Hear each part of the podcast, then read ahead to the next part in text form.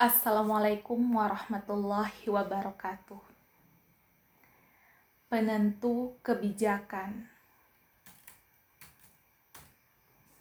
Ternyata perlu banyak pengalaman untuk menyelesaikan masalah.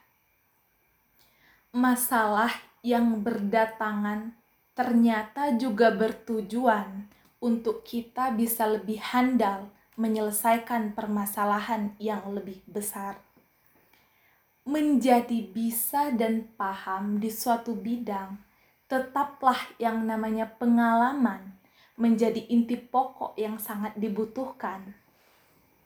Apalagi menjadi seorang tokoh publik pengambil kebijakan. Satu kaki di penjara, satu kaki bebas bisa saja menjadi risikonya. Mempertimbangkan kemaslahatan yang paling banyak manfaatnya dibandingkan mudarat ternyata itu tidaklah mudah.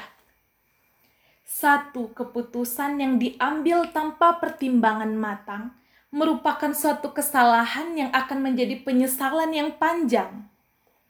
Menjadi seorang pengambil kebijakan adalah seseorang yang pemberani dan juga yang bertanggung jawab memprediksi apa yang terjadi ke depannya. Tugasnya bukan hanya sampai di sana, akan ada rentetan ekor panjang yang ikut dan juga wajib dituntaskan. Amanah itu memang mulia. Banyak kemaslahatan jika keputusan yang diambil benar dan mengambil keputusan yang benar itu perlu jam terbang yang tinggi untuk bisa mendapatkan pilihan yang tepat. Maka dari itu, sangatlah penting untuk berdiskusi dan memegang landasan teori. Tak apa, unek-unek di kepala harus disampaikan, walau terkadang di lobi-lobi dulu supaya bisa disepakati.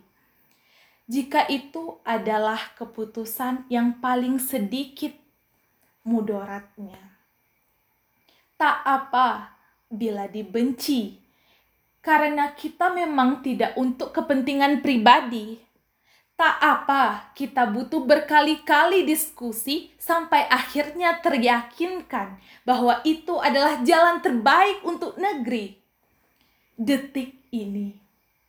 Aku terkesima kepada mereka yang mementingkan nurani sebagai manusia dibandingkan nafsu dengan kepentingan dunia.